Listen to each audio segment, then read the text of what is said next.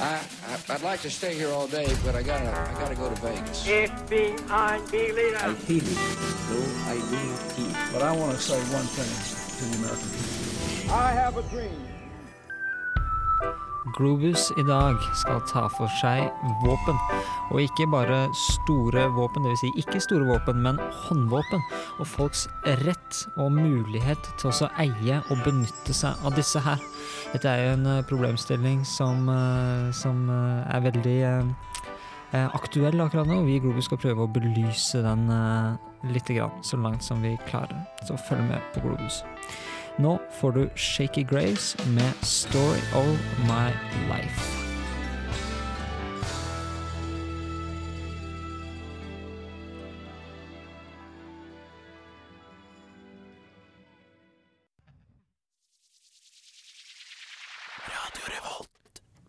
Calendar Girl var det, var det. 'Story of My Life' det var albumet til det bandet. Vi snakker om våpen i Globus, og eh, våpeneierskap eh, i hovedsak. Dette er en debatt som raser eh, i USA, eh, har rast det siste halvåret. Hva slags våpen skal vanlige mennesker ha muligheten til å eie? Hvor langt skal man kunne gå i å beskytte seg sjøl og sin familie og de som man er glad i? Og hvor farlig er det at alle mulige gærninger har, har, tilgang på disse, disse våpnene her. Jeg heter Sigmund Grønli Bolme. I studio så har jeg med meg Knut Aashammer. Vanja Trones. Og Oskar Kjetland Rabben. Eh, og for å starte opp eh, i dag, folkens. Hva slags forhold har dere til våpen? Nei, jeg kan si at jeg har skutt Jeg har vært i militæret, så jeg har skutt med våpen i militæret. Og vi har en hagle liggende hjemme. Ja. Det er mitt forhold til våpen. og, har du skutt med hagla? Kan du operere den hagla? Nei, eh, jeg kan sette den sammen, det har jeg lært meg. Eh, men, men jeg har, har skutt med, med, automatvåpen før. Eh, sånn at jeg tror det at hvis, hvis, det skulle være et eller annet, så tror jeg vil jeg klare å finne ut av hvordan man fyrer av en hagle. Mm. Ja, det tror jeg. Det er kanskje også relativt lett i forhold til automatvåpen, en sånn enkel, enkel haglefunksjon. Er det noen av dere andre som har noe har uh, faktisk aldri holdt et skytevåpen. Uh, har ikke vært i militæret heller, da. Uh, men det er jo på de trakter jeg kommer fra, så er det jo ikke unormalt å ha våpen til jakt, f.eks. Jeg går ut fra at alle naboene mine har det omtrent, men vi har ikke noe grunneier skapte et stort nok område til at vi har noe jaktkvote, så da er ikke det aktuelt. Og når det ikke er aktuelt, så er det heller ikke aktuelt å ha våpen for vår del. Så. Nei, ikke sant. I likhet med meg, altså. Min familie har ikke hatt noe våpen, våpentradisjon. Min familie har ikke vært noe jaktfamilie. Så det eneste morfaren min hadde en gammel børse som man måtte lade sånn to, to, løp. Og jeg har aldri jeg har holdt i den, og det er det eneste, men jeg har aldri avfyrt noe våpen. Så jeg har ikke noe forhold til skyting. Nei. Eh, for, for, min egen del så er det utelukkende, utelukkende jakt. Noe hagle. Eh, både far og, og bestefar har eh, rifler og hagler, men det er, det er, jo kun jaktvåpen det går i. Dette er jo litt av det som kjennetegner kanskje det norske samfunnet. Det er ganske mye våpen i, i Norge. Men det meste av det er jaktvåpen og er låst vekk enten på kott eller i våpenskap eller i, i Altså hengt opp på veggen, låst fast, låst fast i egne, egne sånn våpenlagringsstativer.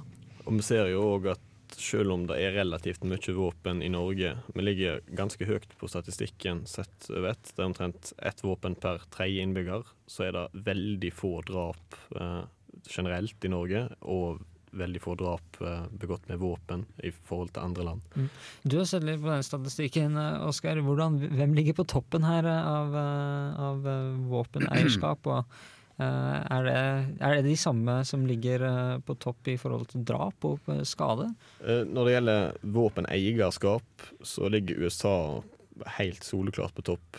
Men det en må ha i bakhodet når en ser på den statistikken, er muligens at USA tross alt har et mye bedre registreringssystem enn en del andre land. Ja. For landene som ligger på topp når det gjelder når det gjelder drap begått med skytevåpen, da er i all hovedsak latinamerikanske land. Honduras stopper soleklart, selv om det ifølge offisielle tall er veldig lite våpen i befolkninga, så da kan en jo lure på om, eh, om den statistikken ikke er helt, eh, er helt korrekt. Kanskje, kanskje, kanskje utlendinger som kommer inn med våpen. Det er, dette er, altså I Latin-Amerika så har du jo problematikken rundt uh, narkotikakarteller Mm, uh, og, og gjenger, og de vil vel stå for en del av, av den volden her. mm, absolutt. I tillegg så er den undersøkelsen fra 2007, hvis ikke jeg tar feil. Så det, jo, det er jo en snart eh, fem års eh, Ja, fem års eh, mellomrom mellom den undersøkelsen og nå.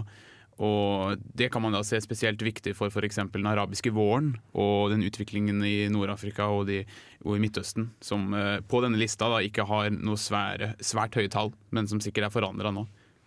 Men jo, de tallene er jo også interessante å studere når en ser på hvordan det har gått i de ulike landene i eh, Nord-Afrika og Midtøsten. Eh, I Libya relativt mye våpen eh, per, i befolkninga. 15 våpen per 100 innbyggere.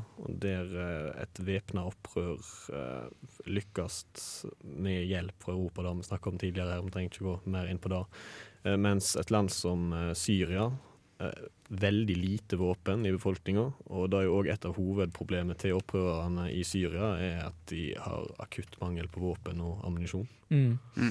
Eh, da blir det vanskeligere å gjøre revolusjoner. Men, men, men eh, vi går litt eh, back to basic. Da. Hva, altså, hva er problematikken uh, med å skulle ha våpen eh, blant vanlige folk? Jeg har lyst til å gå litt historisk tilbake. og Da er det eh, altså i norsk middelalder Håkon 5., altså norsk konge, krevde at hver eneste Det er vel også Håkon Håkonsson før Håkon 5. som, som krevde her, at hver eneste norske frie mann skulle eie øks, sverd, spyd, skjold uh, og hjelm.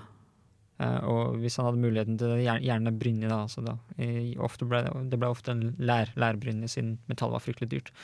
Men altså, du, du ser her at, uh, at mens det en gang var en plikt eh, å bevæpne seg i Norge, så er det noe som vi helst ikke vil at eh, folk skal gjøre. Hva, er problematikken eh, i dag? Men en liten kommentar til det du sa først, at når det gjaldt påbudet om at menn skulle bevæpne seg, så var det fordi kongen skulle kunne kalle det inn i tilfelle han fikk behov for å mobilisere en hær. Mens i Norge i dag så har jo sentralstyresmaktene sjøl, representert ved det norske forsvaret, er sjøl utstyrt med våpen, så privatpersoner trenger ikke å stå for det sjøl, men vi blir jo fortsatt kalt inn til militæret. Men, eh, men vi, vi stiller ikke med utstyret sjøl, så det er litt vanskelig å sammenligne den situasjonen med dagens situasjon. Men det hadde jo også med, med det, det å eksempel eie sverd, da visste man at man var en frimann. Så det hadde jo med en viss status å gjøre også. Men, men, men jeg ser veldig godt eh, det argumentet ditt, altså at man treng, trengte at folk betalte for sitt eget forsvar. Det er det samme man hadde i de greske bystatene, eh, med hoplittsoldatene og sånn. Så vil jeg også si det at eh, Med tanke på selvforsvar, at eh, staten sånn som den har utvikla seg i Norge, da, eh, er veldig, veldig tilstedeværende. At, at du skal ikke selv stå for ditt eget forsvar, da. Du, du lener deg veldig på staten når det kommer til når det kommer til sånne ting, i motsetning til Amerika, hvor staten ikke er så tilstedeværende som i Norge. Hvor, hvor enkeltindividene står mye sterkere i samfunnet. Man stoler altså på at staten skal passe på en, da. Så man, Ja. man slipper det, det problemet med at eh, eh, vanlige folk må beskytte seg sjøl. Ja, selv om politiet i Norge har fått uh, mye kritikk eh, de siste par årene, så er jo fortsatt Norge et av de landene i Europa i alle fall, som har der befolkninga har størst tillit til sitt eget politi. Mm. Så vi stoler på dem og tror at de ordner opp hvis vi kommer i trøbbel. Og vi har jo også et av de høyeste ønskene om å fortsette ha politi uten våpen eh, på patrulje. Og i, likhet med Storbritannia, eksempel.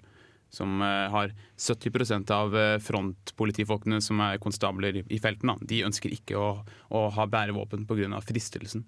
Det skal vi eh, faktisk snakke litt mer om, det våpenet våpen i politiet. Eh, Først så får du ta og The Get Down Stay Down med låta City. Du hører på Globus ja, på Radio Revolt. Vi prater om eh, personlig våpen, det å eie våpen, og, og, altså håndvåpen da, og i samfunnet. Hvordan, hvordan disse påvirker samfunnet, og, og hva som Kanskje vi skal prøve å komme fram til hva som skal vil være riktig til slutt eh, i sendinga, men det blir en stund til.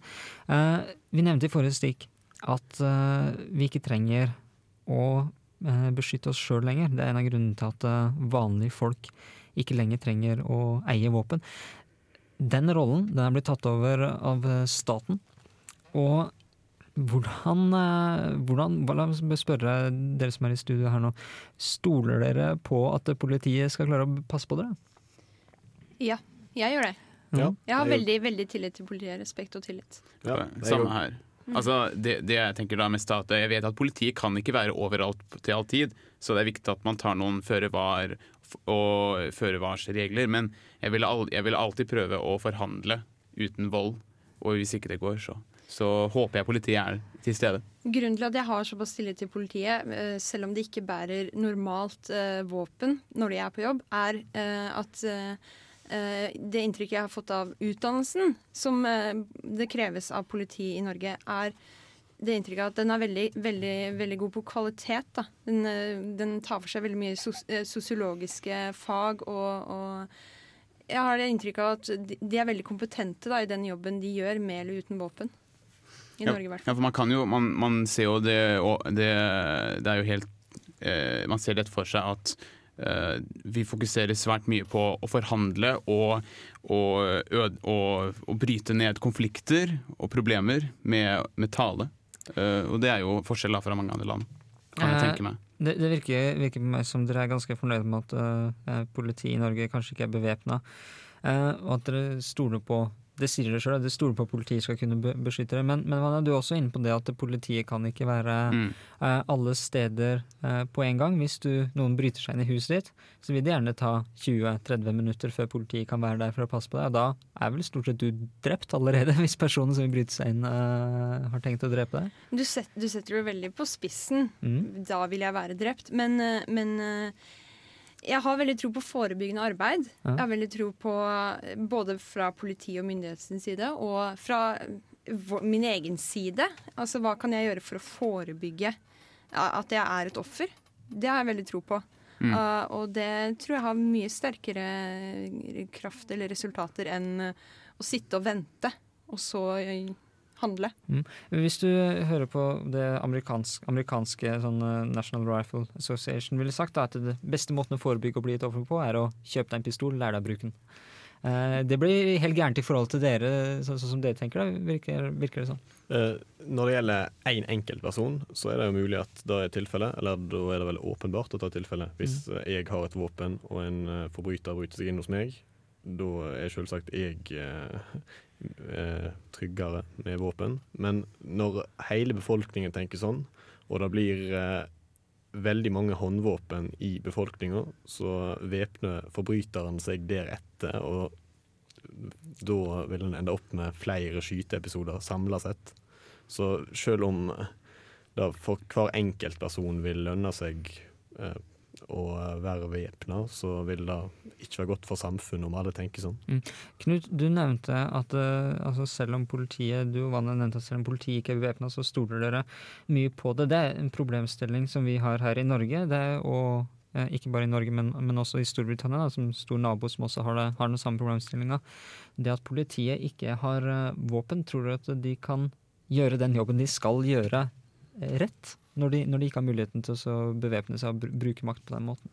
Eh, Jeg tenker at de greier å gjøre bedre handlinger uten våpen. Og det er først og fremst fordi at eh, sånn som mange undersøkelser, da spesielt eh, Jeg har lest mange engelske undersøkelser av, folk, av politifolk som har blitt intervjua. Og siden ikke de har noe våpen, så vet de at den eneste muligheten de har til å, til å løse, er gjennom tale eller ja. Men hvis man har våpen, så kan man bli frista til å ta snarveier. Jeg har tro på, på våpenbruk i nøye planlagte og gjennomførte aksjoner, eh, som eh, razziaer og sånne ting. Det har jeg veldig tro på for, som forebyggende arbeid, å slå til mot eh, kriminelle organisasjoner og så lik, eh, lignende. Jeg har ikke tro på eh, våpen som en sånn eh, lett tilgjengelig i beltet. Eh, Som første, eller plan B for våpen, for meg skal alltid være altså plan Å, da. Siste utvei. Jeg har ikke tro på noe sånn lettvint i beltet. Absolutt ikke. Ja, jeg er enig med Vanja her, og det blir den samme logikken som eh, når det gjelder privat besittelse av håndvåpen. At hvis eh, politiet er generelt væpna, så er, jo forbryterne klar over det. Og da vil utfallet muligens eh, bli langt flere skyteepisoder i samfunnet. Men eh, når politiet, eh, sånn som de har gjort i Norge, går ut og sier at eh, vi har lyst, altså Politiforbundet går ut og sier at vi har lyst til å ha eh, våpen, og vi har lyst til å ha våpen hengende fra beltet vårt, for vi føler at da hadde vi vært mye tryggere. Og vi kunne løst mange situasjoner mye bedre. Eh, skal man ikke høre på de som er ekspertene, de som virkelig kan, kan dette her? Men det er langt fra enighet i politiet sin interesseorganisasjon eller fagforbund om, om dette. De største forkjemperne for eh, generell væpning eh, er politifolk som er ansatt eh, i Oslo, spesielt på Grønland, mens ellers i landet finner vi en helt annen holdning til saken. Så om det hadde vært mulig med Men det er vel det som er det som skal tas opp til debatt nå, er om politiet i Oslo, da. Ikke generelt. Politiet i Oslo og de største byene skal bevæpnes. Det er ikke snakk om at eh, Ørsta politidistrikt skal få full væpning.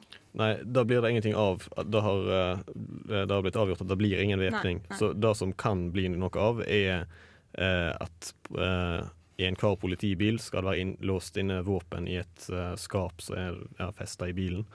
Men det vil da gjelde generelt over hele landet. Det var et av argumentene til, til Politiets Fellesforbund at sånn det er i dag, så er det opp til de ulike politibetjentene å bestemme om de vil ha våpen med seg eller ikke. Mens eh, Politiets Fellesforbund mente at dette måtte være likt over hele landet, og at alle politibiler burde være utstyrt med våpen. Du må jo selv om du er en politimann som har eh, våpen i bilen, så må du likevel eh, få løyve sentralt for å bruke det. Jeg har, selvfølgelig respekt for eh, en ting spesielt, og det er jo selvfølgelig sikkerheten til hver enkelt politimann og politikvinne som er da på jobb og veldig, har veldig stor sjanse for å møte på folk som er bevæpnet med enten eh, skudd, eh, skytevåpen eller, eller stikkvåpen. Så jeg har veldig stor respekt for at de også trenger å føle seg sikre på jobb, selvfølgelig.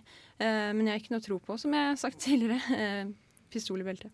Ja, og det, det her er vel noe som eh, man, man har sett også, at land med, med våpen eh, fast hos politiet ofte har eh, styggere kriminalitet enn en det man har i land hvor man ikke har bevæpnet politi. Se på f.eks. Sverige, som man kan, kan gjøre. Eh, og kanskje enda mer eh, USA og Storbritannia, Oskar. Ja, når det gjelder, eh, det, når det gjelder antall politimenn som blir drept på jobb, så er jo da tallet for Norge veldig lite. Det skjer eh, ja, under én gang i året at en politimann blir drept på jobb i Norge. Eh, og når, så lenge det er sånn, så ser ikke jeg noen grunn til at politiet skal bli væpna ut ifra argumentet om deres egen sikkerhet. Hvis da tallet hadde vært langt høyere, da hadde den saken vært annerledes. For hvis en ser på land der politiet er væpna, eh, som USA, så er drapsstatistikken på, for politifolk på jobb langt høyere. I fjor ble det drept 119 politifolk på jobb i USA, mens i et land som Storbritannia, der det ikke er generell væpning av politiet, ble tre politifolk drept på jobb. Mm, så du kan rett og slett få en effekt hvor forbryterne føler at de må skyte tilbake Mm. på politiet fordi at eh, politiet har våpen og, og er aggressive. Ja, jeg skulle bare nærmest si det samme, fordi uh, uh, Storbritannia har, hatt en, har hele tida aldri hatt våpen hos sine bobbies. Og det, jo, og det har vært klart at kriminelle har ikke som handling å prøve å utslette eller å ødelegge eller drepe da, politiet. De prøver heller å flykte, som er annerledes da, i f.eks. amerikansk samfunn. Hvor de blir konfrontert av politiet med våpen, og de føler at de ikke har noe annet valg enn å skyte. Vi, vi kommer inn på USA. eh, vi eh, kommer til å prate litt om USA og den, denne helt spesielle situasjonen som amerikanerne er i når det kommer til våpenhold i hjemmet. Men først så får du Death Crush med Lesson 13. Death Crush på Radio Revolt der, altså. Vi snakker om eh, våpen i Globus i dag. eh, og vi retter øynene våre litt mot USA, altså dette landet som har aller størst våpentetthet blant eh, sine innbyggere. Og hvis vi skal gå litt på, på bakgrunnen for denne våpentettheten da, før vi, vi diskuterer mer det amerikanske samfunnet, hva, hva, tror, hva tror dere, dere i studio om, om dette her? Ja, USA er jo et land av, bestående av innvandrere fra Europa. Altså, det har jo kommet flere senere, men opprinnelig. Eh, de ankom et land der det bodde ja, det bodde jo indianere der fra før, men de levde jo sitt helt eget samfunn.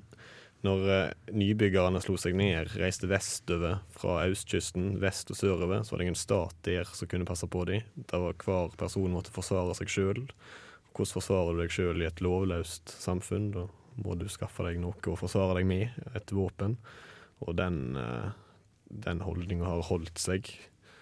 Og i USA så har en jo òg, eh, av samme grunn som dette, eh, ei historie for at en eh, ønsker at staten skal blande seg minst mulig inn i hva du driver med. Så da har, følger følger jo logisk at hver person skal få rett til å bære sitt eget våpen. Ikke sant, du har den, eh, nettopp den der friheten eh, til folk. Eh, og så er det vel kanskje i USA en større skepsis til staten enn det man eh, finner andre steder? Ja, Spesielt da i eh, sørstatene har jeg hatt sterk skepsis for staten allerede nesten som en slags mentalitet. Sikkert mye pga. Uh, det man kjempet om i borgerkrigen.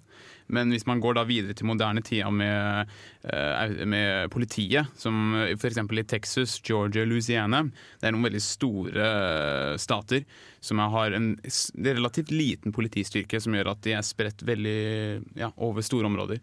Og da forsterker jo dette her argumentet med at politiet eller autoriteten kan ikke hjelpe oss i våre problemer. Og da må vi gjøre det. Man har rett og slett ikke tid, politiet har ikke tid til å komme til stedet før uh, forbrytelsen uh, vil bli uh, utført. Men det er jo ikke på mange måter, det er ikke annerledes det enn det du har i grisgrendte strøk her, i Norge, hvor det er langt til nærmeste lensmannskontor og, og politiet er langt unna. Det blir jo mye det samme. Men ja, det er kanskje lettere å ha den innstillinga når man, man bor langt unna og må stole på seg sjøl. Tillegg så har jo USA går litt ut på det, har en, hatt en tradisjon siden den amerikanske eh, frigjøringskrigen. Det, altså denne ideen om Minutemen, ikke sant? At eh, alle skal kunne slåss for uh, republikken når det er nødvendig. Du skal være klar til å slåss på bare ett minutt. Det var Minutemen-ideen. Eh, og det er vel også et av argumentene til mange av de som er med i The National Rifle Association, altså NRA, som er uh, hovedorganisasjonen for våpenfrelste i USA. Den at uh, man skal kunne beskytte sitt eget land og, og sin egen familie, og være, være klar til å stå imot da, eventuelt fiendtlige angrep. Personlig også, ikke bare statlig. Ja, NRA som du nevner er jo en organisasjon som i dag eh, driver med lobbyvirksomhet i veldig stor stil. Men uh, i dag er de så å si spesialisert innen det feltet, i tillegg til opplæring om våpen, sikkerhet og den slags. Mens uh, tidligere så har de òg uh, holdt på med sport. De var annet administrator for det amerikanske skytelandslaget og var involvert i olympisk eh, komiteen i USA. Mens eh, i større og større grad har lederskapet og medlemmene begynt å fokusere bare på rettighetene til å, til å eh, bære våpen, og den rettigheten er jo trua i dag, sett fra deres synspunkt. Ja, det har jo vært eh, denne diskusjonen da om man kan tillate å ha um, hva skal man si, automatrifler og automatvåpen som uh, un under second amendment. Altså det kan man si at I dag så får man jo ikke lov til å ha fullautomatiske våpen som er mer eller mindre bare for militære. Og det er det man har prøvd å forandre, at man kan ha det. Og National Rifle Associations og alle disse her eh, foreningene som er pro automatvåpen, de ser jo mesteparten på det med at eh, de som skal ha disse våpnene, de er gode mennesker, og vi vil bare bruke dem mot mennesker som skal gjøre noe, noe vondt mot oss. Så Det er deres hovedargument. At så lenge du har gode mennesker som vet hvordan man skal behandle et våpen, så er det ikke et problem. Så nytter det liksom ikke å argumentere mot heller, for de sier liksom sånn at det er min naturlige rett til å forsvare meg selv. Eh, og og eh, ja, men stoler du ikke på staten til å ivareta dine interesser? Nei, jeg stoler ikke på staten. Jeg, jeg, jeg vil helst sitte på siste ordet sjøl. Det, det nytter ikke å argumentere mot, fordi når du begynner med sånn naturlig rett til å forsvare meg selv, så det er liksom siste ordet i, i diskusjonen. Liksom, man, se, man ser nesten som at de er teologisk, nesten religiøst bundet til våpen. At det er, det er min rett, og det kan ikke forhandles med. Sånn er det. Men uh, som med all teologi og all eh, religiøsitet, så burde det egentlig bare være å, å sitere statistikk og fakta og kalle, altså kalle fakta da, for å, å, å knekke denne myten. Og det er jo en kjensgjerning at amerikanerne med eh, mest våpentetthet har en mye høyere eh, høyere, mye høyere drapsstatistikk, altså med skytevåpen, enn det eh, europeiske land med, med mindre våpentetthet har. Eh, og ikke minst så, så er det en kjensgjerning at hver gang man har skolemassakre, andre massakre, så er det disse, altså denne spesielle gruppen med våpen, denne angrepsvåpen, militære våpen, som blir brukt og gjør størst mulig skade. Det, altså, det fins ingen mennesker som, som trenger en automatrifle med 30 skudds magasin for å beskytte seg sjøl mot innbruddstyver. Altså, det det, det, fins ikke egentlig, og i hvert fall ikke for å jakte hjort. ikke, ikke sant? Som er et, også et argument at de vil ha disse våpnene for å kunne jakte med. Ja, og Det høres jo veldig mye sånn eh, Det er jo faktisk et problem. altså Det er sånn redneck hunting, hvor de, de kjører ut på landsbygda fra sine SUV-er og lastebiler og skyter ut vinduet med automatvåpen. Så de prøver jo faktisk altså Sett på et veldig skrått blikk, så prøver de å lovliggjøre det. For hvis man får lov til å bruke disse automatvåpnene, eh, så er det også lov å bruke dem som, som jaktvåpen. Eh, Men noe i tillegg som er veldig typisk, er jo at de, at de disse automatvåpnene som som de har lyst til å ha, de, de, de, vil jo ikke stoppe kriminalitet. Det vil jo bare gjøre at forbryterne kanskje også uh, armerer seg med automatvåpen, så det blir bare enda mer. Et annet punkt som er viktig å kanskje legge merke til, er at når det, denne second amendment, da, som ligger i grunnloven til USA, ble utformet, så, så list, ble det jo lista opp flere grunner til at folk skulle kunne bevæpne seg. Og en av de var jo også at i tilfelle, et, uh, i tilfelle det måtte ta og gjøre handling mot et tyrannisk, et tyrannisk myndighet, ikke sant? I tilfelle det skulle skjære seg helt på toppen, så måtte man stå på bakken klar til å ja, gjøre mytteri, Mm. rett og slett. Det, det er Nå kommer jeg kanskje å si noe kontroversielt, men det er faktisk et argument jeg har litt sympati for. Ja, ja. At den dagen noen, noen eh, tar, tar makta i et land og stenger ned ytringsfriheten og slutter med demokratiske valg, så skal folk ha muligheten til å så, eh, dytte til side eh, disse folka og styrte de og gjenopprette demokratiet. Da kan du ikke stå der og bare Ja, men dere lovte jo, ikke sant? Nei, Eh, det- da kan du ikke stå der på bar bakke og Det, det, det er helt riktig. Det, det, jeg ser definitivt den, uh, uh, sympatien til å se på det. Men er det ikke sånn at militæret i den amerikanske hæren de, de sverger ikke til eh, de sverger ikke til, pres, de sverger til presidenten, men de sverger ikke til regjeringa, de sverger til folket. Så de kan på en måte gå imot staten også. Men, eh, men se hvor mye det hjalp den romerske republikken, da. Eh, For der sverga også soldatene troskap til republikken og byen Roma. Eh, Mm. Men det ble jo diktatur der òg. Vi, vi skal prate litt mer om dette seinere. En veldig interessant eh, linje å følge. Nå får du Brolin med Reykjavik.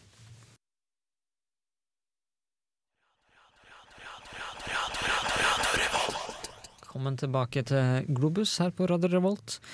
Studentenes utenriksprogram. Og vi prøver å ta for oss litt forskjellige ting som skjer ute i verden, og litt samfunnsspørsmål. Og akkurat i dag så har vi privat eh, våpeneie. Og da snakker vi ikke om eh, sånne sverd som jeg har eh, hengende på veggen. Da snakker vi om alvorlige våpen, kanskje, kanskje mer enn til og med de jaktvåpen som mange, mange norske familier har. Eh, og Det er nettopp et poeng nå. Vi har akkurat sett på amerikanerne og det ønsket amerikanerne har uh, til, å, til å eie sine egne våpen. Altså Deres argumenter er at man skal kunne beskytte seg sjøl mot kriminelle, men også beskytte seg sjøl mot staten, altså hvis den, eh, hvis den uh, slår seg vrang. Her i Skandinavia så, så, så er det litt annerledes. Vi har fryktelig mye våpen, men vi er ikke så veldig opptatt av å beskytte oss mot staten, kanskje egentlig.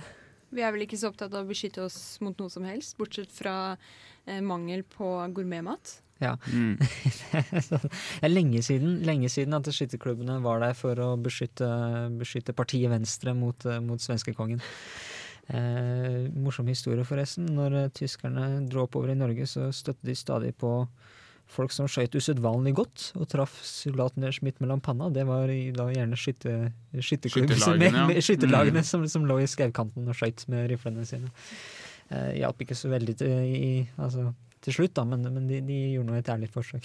Jeg, jeg, jeg har alltid hatt denne absurde tanken når jeg ser på skisport når jeg ser på skiskyting. at De der kan bli noen jævla gode soldater hvis det går krig. Ja, Det- Hvis det skulle skje noe, så Ja, ville de innkalt landslaget. Så hadde de innkalt landslaget. Hmm. Men, men nordmenn, nå går vi på nordmenn, de er, vi ser ut som vi egentlig er ganske glad i, i våpnene våre. Vanja, du nevnte det at man kan få en eh, en, en god, altså god følelse av å skyte med våpen? En glede å skyte med våpen? Jeg, jeg gjorde kanskje det. Um, ja, for jeg har, jo, jeg har jo skutt en del med, med både AG3, som det heter, og HK416, som da er eh, Forsvarets sånn standardvåpen. Arv, Eh, arvtakeren til AG3? Ja. ja.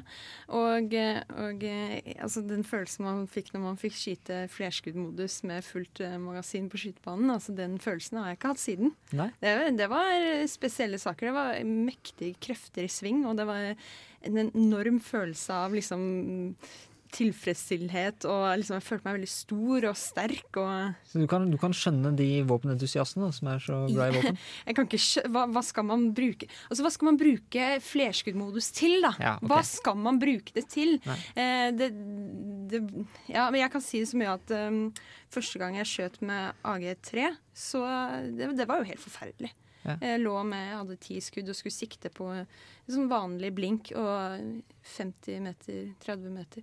Det var, det var helt forferdelig. Det var enorme krefter i sving, og det var enormt smell. Og jeg var, visste knapt hva jeg holdt på med. Det var helt forferdelig. Det, At jeg, er, er, er ting som er interessant som jeg slår meg Det var ikke meningen å avbryte men er du den eneste av oss Nå er det tre gutter og en jente. Er du den eneste av oss som har vært i militæret? Som jeg har forstått, så er det Mm. Det er litt spesielt. ja. Hurra for likestilling. Det Ja. var jo 8. mars for eh, bare et par dager siden, så da kan, eh, kan slå et slag for det. Ja. ja. Nei, vi må ha en liten ja, ha kudos for det. Mm. Uh, vi prater Ja, Nei, men altså Den følelsen man får, hva, hva er den god for, da, annet enn for egen Altså, Jeg, jeg ser for meg disse som, som du nevnte, Knut, som drar ut i villmarka og fyrer av noen runder og tar seg en øl. Hva er det godt for, da? Ikke sant? Hva, hva, skal man med, hva skal man med automatvåpen? Hva skal man med maskingevær? eh, så det er vel kanskje litt av det man, eh, man eh, setter eh, fokus på her i Norge òg. At det, ikke er, det er ikke lov til å eie sånne våpen. Ikke sant? Med mindre du er spesialsamler. Nå kan jo noen kanskje argumentere med at eh, til og med spesialsamlere ikke bør, bør få lov til å eie sånne våpen, for det, det kan jo føre til en del, del tull. Ja, og, og seriøst, det er jo sånn at det er veldig mange foreninger som er pro for disse altså, automatvåpnene i USA, er at de faktisk ser det på som recreational activity. Altså det er, ikke, det er ikke bare skytterlag hvor man har luftpistoler, men det er faktisk en hobby å skyte med fullt automat på blinker. Det er jo, det er jo helt grotesk. Altså det, det, med flerskuddmodus er jo ikke lov, det er ikke lov å bruke det i krig engang. Men det er, det er likevel en veldig veldig vanlig sånn argument. Eller altså det er sånn man bruker våpen i USA. Det er jo helt sinnssykt. Men Nå kan vi kanskje ned til, til kjernen av litt, litt av den problemstillinga som vi har satt oss. Da. Det at uh, man i USA har så utrolig mange drap, eh, men også stor våpentetthet, mens man i Norge har egentlig ganske stor våpentetthet, men, men fryktelig lite drap. Det kan rett og slett være altså, typen våpen som, eh, som eh, nordmenn eier. Ja, i Norge eier folk våpen fordi de vil gå på jakt. Mens grunnen til at folk eier våpen i USA, har vi jo snakka mye om her nå. De vil skyte. Jakte på mennesker. Og, og de våpnene som man bruker til å jakte med, er vel ofte ikke like egna til å drepe mennesker som, som det eh, våpen, altså andre våpen er. Eh, um, ja, vi skal få Don Martin med æresdrap uh, her. Men uh, mot slutten så tenker jeg vi skal eh, prate litt om, om det å eie våpen til eget selvforsvar. Og hva, jeg har lyst til å høre litt hva folk eh, rundt bordet tenker om, om akkurat det, det å kanskje eie en pistol bare for å kunne beskytte seg sjøl. Eh, på slutten av sendinga hadde jeg lyst til å gå over på det litt eh, mer personlige. Når det, vi jo, Helt i begynnelsen snakka vi om eh, det personlige forholdet som folk har til våpen. Men et av argumentene som er i våpendebatten, det er at folk gjerne vil ha muligheten til å beskytte huset sitt og beskytte seg sjøl. Og rent personlig så, så er det et argument som jeg, som jeg ser, og som jeg til en viss grad har en del sympati sympati med. Hvor langt uh, syns dere at folk skal få lov til å gå for å beskytte seg sjøl? Jeg, jeg husker at du nevnte dette i forrige sending, og det var om at eh, ha en begrensa type våpen, f.eks. revolver, Mm. som har vært lov hatt for å beskytte seg selv og sin egen familie innenfor, hus, innenfor huset sitt. Mm. Det syns jeg er en eh, rasjonell og grei tankegang. Og mens ja, alt mulig større enn ting som er plundrete og, å lade, og som har begrensa ammunisjon, veldig lavt, det er liksom rett og slett bare for å gå inn for en siste, ja, siste mulighet. Det syns jeg er riktig. at, at man skal kunne ha, ha, ha våpen med, med lav ammunisjonskapasitet, Ja. fordi de ikke kan brukes i den type massakrer som man har, man har sett. Ja. Eh, Eh, Jeg stoler ikke på folk uh, i det hele tatt som ikke har kvalifisert våpenutdannelse. Jeg stoler uh, veldig sjelden på folk eh, generelt. Men, eh, så jeg er absolutt ikke for at Mm. en vanlig mann i gata skal bevæpnes. Nei, for, dette, for dette, da har du altså til og med vanlige pistoler, så vil man da ha den muligheten til at det kan være skjult, ikke sant? Mm, Og, og mm. at det er lett å trekke fram hvis i for eksempel, altså, eh, domestic, uh, hjemmevold og sånne ting. Domestic violence, ja. Ja, jeg er enig med Vanja i det argumentet hennes, og i tillegg så sa jeg tidligere i sendinga om at eh, jeg helst vil se at det er minst mulig våpen i samfunnet i det hele tatt. Da er det òg mindre sjanse for at det vil oppstå skyteepisoder. Mm. Men, eh, men eh, noen bevæpner seg jo da, og vil ikke de som, som da velger å ikke bevæpne seg, vil ikke de ha en, en fryktelig Altså være ha, de, altså de andre har en fryktelig fordel? da, At de som ikke bevæpner seg, er i, kan fort havne i trøbbel? Ja, Det er jo et klassisk dilemma på omtrent alle felt i samfunnet, om det så gjelder CO2-utslipp eller eh, Bil. eh, lov til, eh, løyve til å bære våpen. Mm. Men hvis, du, så, hvis du tenker individuelt på det, så har du rett. Mens hvis du ser på alle under ett, så eh, blir det motsatt. Ja, jeg, det som jeg tenker da, er også at å ha våpen for å beskytte bare seg selv, syns jeg nesten er, føler er veldig egoistisk. Altså på en måte sånn veldig egoistisk. Men jeg, vil, jeg kan veldig lett se uh, det veldig annerledes hvis jeg har en familie og, uh, og barn som jeg må beskytte, og det kommer noen. Og, og går inn i huset mitt og kan og Jeg vet ikke hva, hva, hva hensikten til dem er. Så kan jeg i hvert fall se av hensikten er at jeg ville hatt mer sympati med en person som må beskytte sin familie, enn å bare beskytte seg selv. Det, mm. Uh, jeg har lyst til å sitere Josh Reeden her, faktisk, uh, fra serien Firefly. Uh, if somebody tries to kill you, you try to kill them right back. Ikke sant? Eh, det, det må jeg innrømme sjøl at jeg har litt eh, sympati for. Og det, dette er et sånn filosofisk problem, altså Hobbes, eh, menneske mot menneske, og at man inngår en kontrakt hvor man unngår å drepe hverandre. Så det er rett og slett det spørsmålet om man skal ha muligheten overhodet eh, til, å til å drepe eller ikke. Jeg tror mennesker jo alltid vil ha det, men det er jo så klart Men i våpen så blir det mye enklere. Eh, du får det Big Bang med Black Lights. This is FM 100, fighting the evil, music for the people. Keep it locked, lock it off. One more time. Big Bang med Black Lights eh, hørte du der på Radio Revolt. Vi har hatt en eh, ørliten debatt nå på slutten av sendinga. Jeg tror ikke vi blir eh, helt uh, enig ennå. Eh, men det er vel også en debatt som veldig få eh, kommer til å bli, eh, bli enige om. Dette skal folk ha rett til å ha våpen? Skal de, skal de, skal de ikke? ikke sant? Den retten til å forsvare seg selv, samtidig som samfunnet har altså nødvendigheten av å beskytte samfunnet mot, mot gærninger, rett og slett. Eh, I studio da så har du hørt Sigmund Grønli Bolme. Jeg har vært deres programleder. Jeg har hatt med meg Knut Åshammer. Vanja Trones. Og Åsgeir Kjetland Rabben. ja. Vi er eh, Globus, eh, Radio Volts utenriksprogram, og vi håper at du fortsetter å følge med og høre på oss neste gang. Ha det bra fra oss i studio.